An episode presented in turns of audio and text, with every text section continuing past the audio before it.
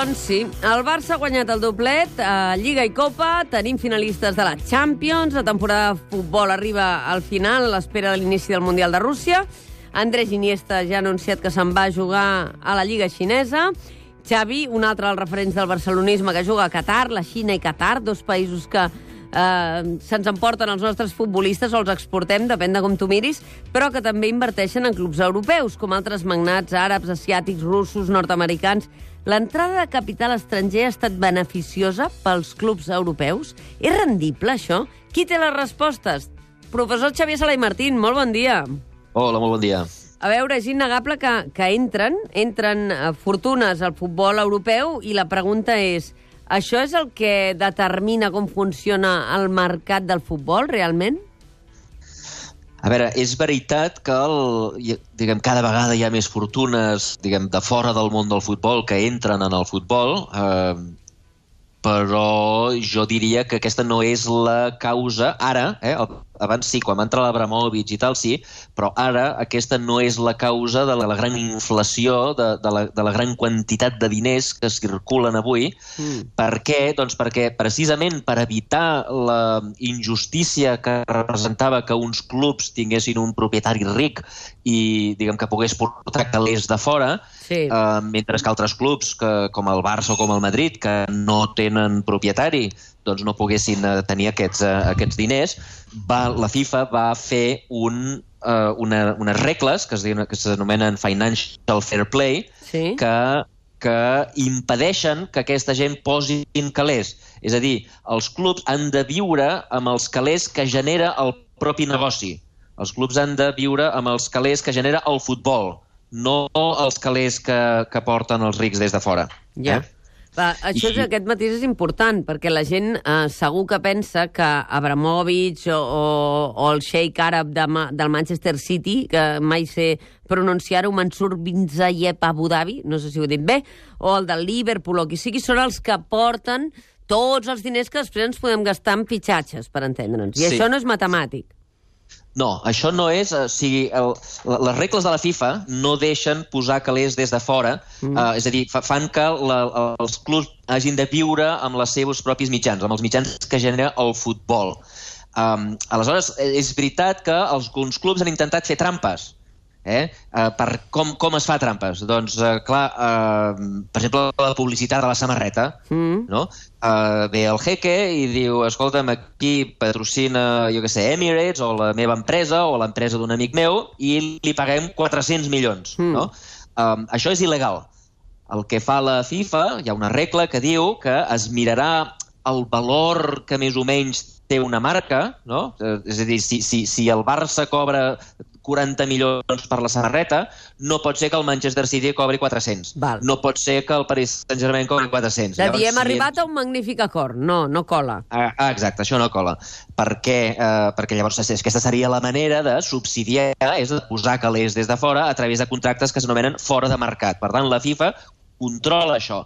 De fet, ara mateix, el Paris Saint-Germain, després de la de la, de la despesa bestial que van fer l'any passat el, comprant el Neymar i l'MVP i tota aquesta gent, ara està sota sospita d'haver signat contractes d'aquest tipus. Yeah. I la FIFA els està investigant, els està dient, escolta'm, eh, aquests contractes estan fora de mercat, i si els enganxen, si realment la FIFA determina que aquests contractes no són de mercat, sinó que són, diguem, que inclouen uns subsidis que permetrien al jeque posar calés, a, a, diguem, de fora del negoci, aleshores els expulsarien. Hi ha diferents tipus de, de, de, de càstig, entre els quals hi ha l'expulsió de la Champions.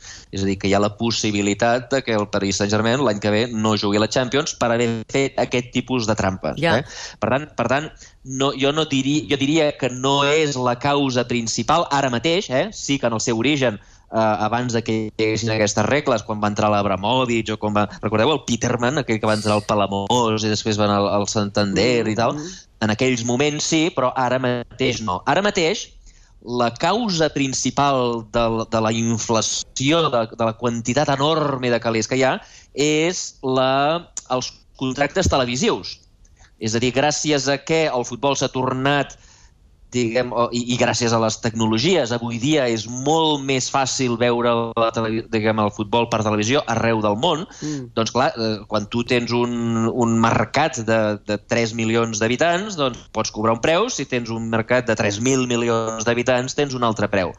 I en particular la Premier a partir de l'any 2016 van signar un contracte brutal, un brutal de televisió, tant a nivell nacional, a nivell de, de, de, del Regne Unit, com a nivell internacional, que va permetre que els clubs de la Premier doblessin els ingressos que obtenien i això, aquesta és la font de la gran inflació. Val, sigui, que aleshores... La, la, això... la competència ve d'Anglaterra, bàsicament. Eh? Per això, això explicaria, Xavier, jo ja saps que d'això no hi entenc i m'agrada preguntar quan penso que algun oient uh, se'ns pugui perdre. Això explicaria, per exemple, que la Premier hagi fet fitxatges molt per sobre de la Lliga francesa o de la Lliga espanyola, etc. no? perquè tenen, tenien més diners, però no provinents dels, dels propietaris dels clubs, sinó provinents dels contractes televisius.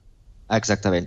La Premier té un avantatge sobre la resta de, de lligues té dues avantatges. La primera és que a dins d'Anglaterra hi havia, perquè ara ja no hi ha, hi havia competència entre dos grans canals, que són el British Telecom i Sky News. Mm. Eh? I eh, els drets de televisió els ven la Lliga, no cada club particular. Mm. Des de fa poc, Espanya també passa això. La Lliga ven els drets de televisió de, per tothom eh? i després els, els reparteix entre els clubs. Uh, això els anglesos ja fa temps que ho fan i l'any 2016 la competència entre aquestes dues grans cadenes va fer que es passés uh, un, d'un contracte que tenien de 3.000 milions uh, mm. de pounds, de lliures esterlines, a un de 5.200 milions. Clar. És a dir, que gairebé van doblar en un any els ingressos que venien de la televisió. Clar, eh? però explica'm una I... cosa. Aleshores, un cop signen el, el contracte pels drets esportius eh, amb les teles, el repartiment entre clubs es sí. fa en funció del potencial d'èxit de cada club. En el cas de la Lliga Espanyola és evident, Real Madrid-Barça, molt per sobre del Villarreal, per entendre'ns, eh? Perquè, i amb tot el carinyo cap a, cap a la gent del Villarreal, però es, es fa equitativament o es fa eh, graonadament en funció de la capacitat d'aquests clubs d'aconseguir èxits esportius? Es fa de les dues maneres. És a dir, a, a tot arreu hi ha la, la tensió entre diguem, el que seria la, la, la justícia i el que seria la igualtat. Eh? Uh -huh. uh, clar, uh, si els ingressos de la tele venen perquè els partits que es veuen al món són els del Barça i els del Madrid, el que és just és que el Barça i el Madrid cobrin perquè són ells els que generen. Uh -huh. Però clar, això és desigual o injust, si voleu, perquè, diguem, injust és, és, és poc equitatiu perquè, clar, els altres equips doncs, no, no cobren, cobren poc. Uh, per tant, hi ha, hi ha aquesta lluita, eh? per una banda banda volem que el qui genera els calés doncs, sigui el que els guanya i per altra banda volem que tothom sigui més o menys igual.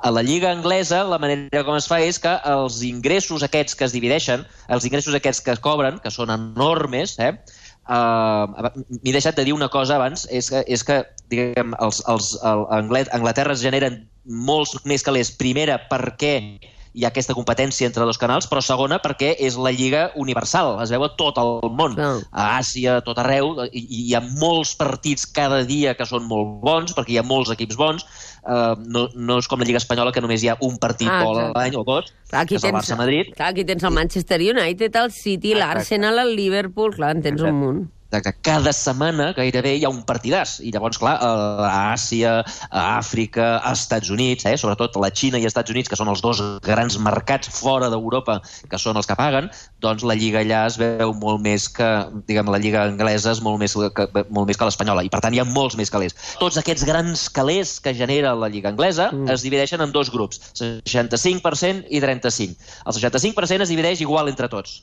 tots els equips cobren el mateix d'aquest 65%. I el 35% restant es divideix allò proporcional a l'audiència i proporcional a l'èxit. És a dir, el qui mm-hmm. queda primer guanya més que el qui queda segon i el qui té més audiència, que normalment sempre és el Manchester United, doncs, eh, doncs té més calés que el segon. Això fa que al final, el, el global de la divisió, doncs sigui molt més eh, diguem, igualitari mm. el repartiment que hi ha a la Lliga Anglesa, la qual cosa segurament és la causa que també, o una de les causes que contribueix que sigui també la més ben pagada. Per què? Perquè, com que tu acabes de dir, com que el repartiment és més igualitari, hi ha més equips que eh, poden competir. Clar. En concret, hi ha sis, els sis grans equips, que en els últims anys sempre han, han estat a dalt de tot, però que gairebé mai repeteixen. És a dir, el que guanya un any, l'any següent no guanya, i el que guanya el següent any no guanya el tercer any. Eh? Mhm.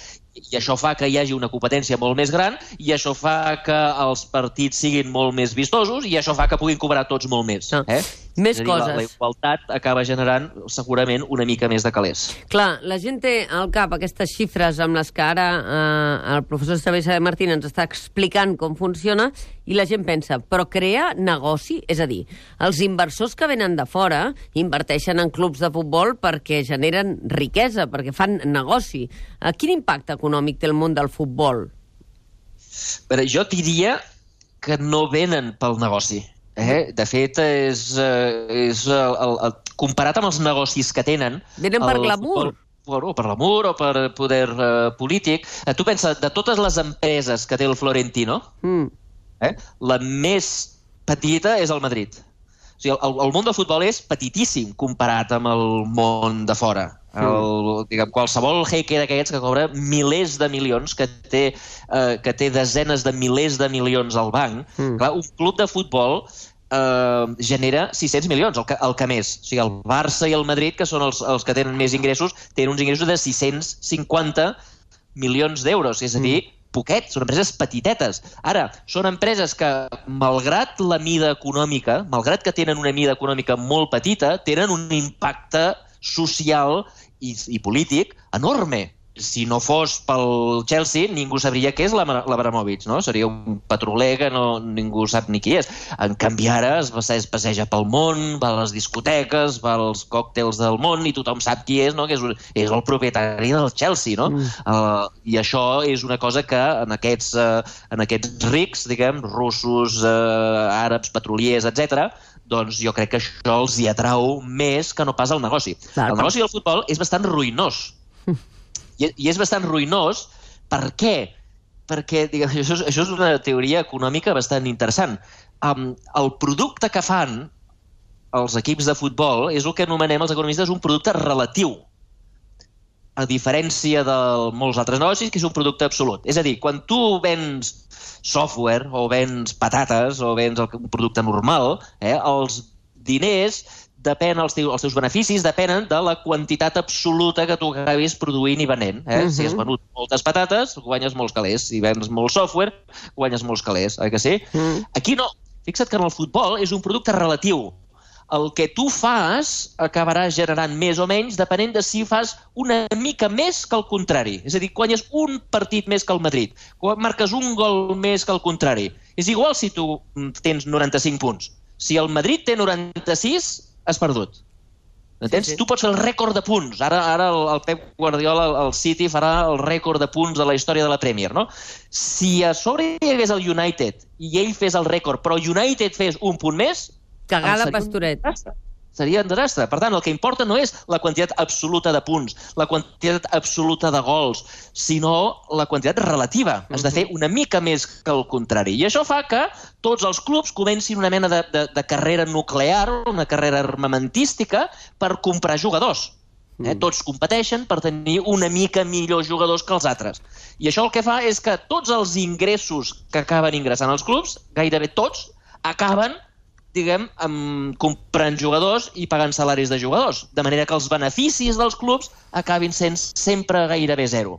Eh? Mm. Fixa't que, acompanyant en aquest boom que et deia dels ingressos, els ingressos gràcies a la globalització de la televisió s'han disparat, però fixa't que al mateix temps s'han disparat els traspassos i al mateix temps s'han disparat els salaris. De manera que els clubs segueixen estant gairebé al llindar de la ruïna. Eh? Tots els calés que va cobrar el Barça pel Neymar, on són? Pues, pues els, han, els han gastat amb jugadors, no se'ls ha quedat al Barça, oi que no? Um, I per tant, diguem, diguem, qui es vulgui ficar en aquest negoci pensant que guanyarà calés, s'emportarà una sorpresa, perquè no en guanyarà pas de calés. Per tant, és un tema de glamour, de prestigi social, d'estratègia, de, diguéssim, política o geogràfica, perquè ja m'explicaràs, Chen Yancheng, per què ve a invertir aquí a l'Espanyol, no? Bueno, doncs perquè també hi ha una cosa que és la política. Eh? Ah. Tothom ha sentit a parlar de la influència del, de la llotja del Bernabéu, Eh? Sí. Uh, segurament el negoci més petit que té el Florentino Pérez és el Madrid, sí. però segurament gràcies a que té el Madrid és capaç d'augmentar negoci en altres llocs mm. gràcies a les relacions que això li permet. A la Xina ha passat una cosa que és que el president Xi Jinping fa uns quants anys va decidir que volia potenciar el futbol. Mm. Segurament, no se sap ben bé per què, però segurament és que ell té al cap, després de les Olimpiades de, de Beijing, doncs, organitzar un Mundial de Futbol. Eh? Ja. I ja sabeu que la Xina, diguem, si el president diu hem de fer això, tots els empresaris, perquè depenen molt del que decideix el govern, doncs acaben fent la pilota. Ah. I i diguem s'han dedicat a fer tres coses. Primera, a comprar clubs de futbol a la Xina i inundar-los de calés, i això explicarà diguem, el, el contracte astronòmic que segurament signarà l'Iniesta, eh? perquè hi ha molts, moltes empreses hoteleres, de software, de, de, de, de màrqueting, de tot, que estan ficades en el món del futbol per fer la pilota en el president, i, i això genera una quantitat de calés, una quantitat de salaris brutal que els permet portar jugadors d'arreu del món, les megaestrelles. Segona cosa que estan fent, estan fent masies, estan fent, eh, promou, promovent eh, eh, acadèmies a tot arreu, a tota la Xina, i tercera cosa que estan fent és estan invertint xinesos i comprant clubs a l'estranger. Un dels, eh, un dels aquests equips és l'Espanyol, un altre és l'Atlètic de Madrid. Uh mhm. -huh. eh? I per tant, diguem, això és part, segurament, no d'una estratègia estratègia mm, diguem, mercantil, una estratègia de negoci, perquè no crec que acabin guanyant massa escalers, ni l'un ni l'altre, però sí una estratègia de política, una estratègia de satisfer, en aquest cas, els desitjos del president xinès que ha decidit que el món del futbol eh, diguem s'ha de millorar. Per cert, jo crec que això no els hi funcionarà. No? Eh? No els hi funcionarà, no. no diguem, aquesta estratègia, la, sobretot la de parar de gastar una borrada de calés amb jugadors, diguem, més o menys jubilats. Sí. Això ja ho van intentar els nord-americans, no recordeu quan el, I els el catarís. I els catarís. El, sí, els catarís també. Els catarís no sabem si els ha funcionat, però sabem que els americans Sabem que als americans no els hi va funcionar. El Johan, el, el Johan van allà. Ah, el Johan, el Johan els Los Angeles Aztecs, sí. els, el Cosmos del Pelé, o sigui, això de, de comprar jugadors semijubilats per unes milionades per intentar crear una, un mercat de futbol allà, això ja no va funcionar als mm. Estats Units i no crec que els hi funcioni a la Xina. El tema de les masies és potser sí, potser sí que els hi funcionarà, però tardaran molts anys a, a que els joves xinesos, diguem, siguin bons, perquè, diguem, quan jo li he preguntat jo alguna vegada al Pep, no? escolta'm, eh, creus que eh, països com Estats Units o com Xina acabaran sent i eh, sent, eh, diguem, potències del futbol per més que les que inverteixin? I ell diu no, eh, perquè per jugar a futbol s'ha de tenir passió, eh, aquesta passió que tenen els nens catalans o els nens brasilers quan surten del col·le que van amb la pilota i l'únic que volen fer és jugar a futbol, eh, això no es, no es pot ensenyar amb les millors acadèmies. Eh? Si no tens aquesta passió, per més que t'ensenyin futbol de manera quadriculada, uh -huh. com mhm. fan als Estats Units o com fan a, a, la, a la Xina, no? quan passi la pilota, quan et ve la pilota, la toques amb això, després fas això, no? Si, si és molt mecànic, que, que és el que ensenyes a les acadèmies, doncs no, no, no acaba funcionant. La, la passió no la tenen, no és el seu, no és el que viuen, no és el que, el que es moren de ganes de fer tot el dia, com si passa amb els nens brasilers, amb els nens italians o amb els nens de Barcelona. uh, no jo... crec que no creus que els hi vagi bé. En qualsevol cas, eh, a mi m'ha quedat clara una idea i espero que els oients també. Primer, el negoci del futbol no és la panacea pels, pels equips, pels clubs, però és com aquella imatge de la gent que a casa té la nevera buida, però en canvi van vestits i, i pel carrer diguéssim, com si, anessin, com si tinguessin molta pasta, no? Perquè et dona el glamour, però no, no, però no et dona recursos. Has de, has de, treure, has de treure recursos d'on no els tens, no?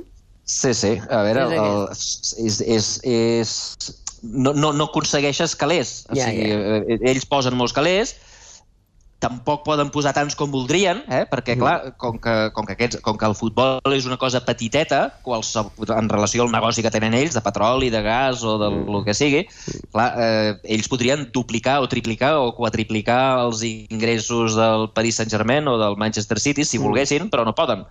Uh, per tant, uh, encara que volguessin tenir la nevera plena, no podrien. El que han de fer és generar recursos amb el futbol, ja siguin nous contractes, amb noves maneres, i, i llavors en aquest sentit eh, depenen del, del mercat i el mercat també s'està saturant. És a dir, ara sàpigues que el, el, el, el, la Premier fa, do, fa un mes, el, el 20 i alguna de febrer, sí. van signar un nou contracte, perquè signen contractes eh, trianuals, eh, el del 2016 ja t'he explicat que va ser el gran salt, eh, doncs ara el del 2019-22, eh, el mm. següent, ja és menys calés que el del 2016.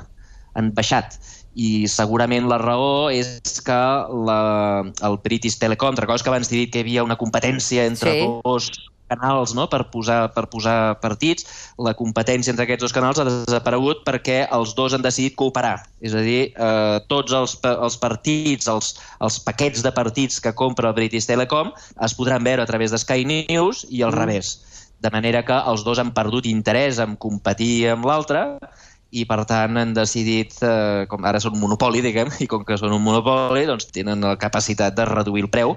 I per tant la Premier ja no està tan inflada, el proper contracte ja no està tan inflat com l'anterior i per tant la competència la competència diguem, els ingres, la competència amb les altres lligues serà, serà menys ferotge del que ha sigut fins ara. I tothom espera una nova font d'ingressos que serà com, com diguem, el que tothom espera que sigui l'internet, el mm. Netflix Uh, sembla que uh, hi ha interès per part d'Amazon i per part de Netflix i per part de Facebook de mm. donar partits a través d'internet però això que esperava la Premier amb aquest contracte que van signar fa dos mesos, que es disparés els ingressos que venien d'aquesta nova font, de moment no ha passat. I això és un problema pel Tebas, perquè el Tebas ha apostat molt fort a la Lliga Espanyola, el Tebas mm -hmm. és la Lliga Espanyola, a aquesta nova font d'ingressos que de moment sembla que no arriba. No, no, no estan per la labor les tecnològiques de ficar-se a distribuir partits a través d'internet i per tant eh, de moment sembla que això haurà d'esperar. Ara, si això acaba triomfant, pot ser un nou salt eh, que permeti als clubs ingressar més calés i als jugadors fer-se més rics eh, sense que els clubs acabin guanyant calés, només ingressant i passant-ho als jugadors. Ho analitzarem quan passi. A Xavier Sala i Martín, moltíssimes gràcies. Moltes gràcies a vosaltres. Que vagi bé, visca el Barça. Adéu. Au,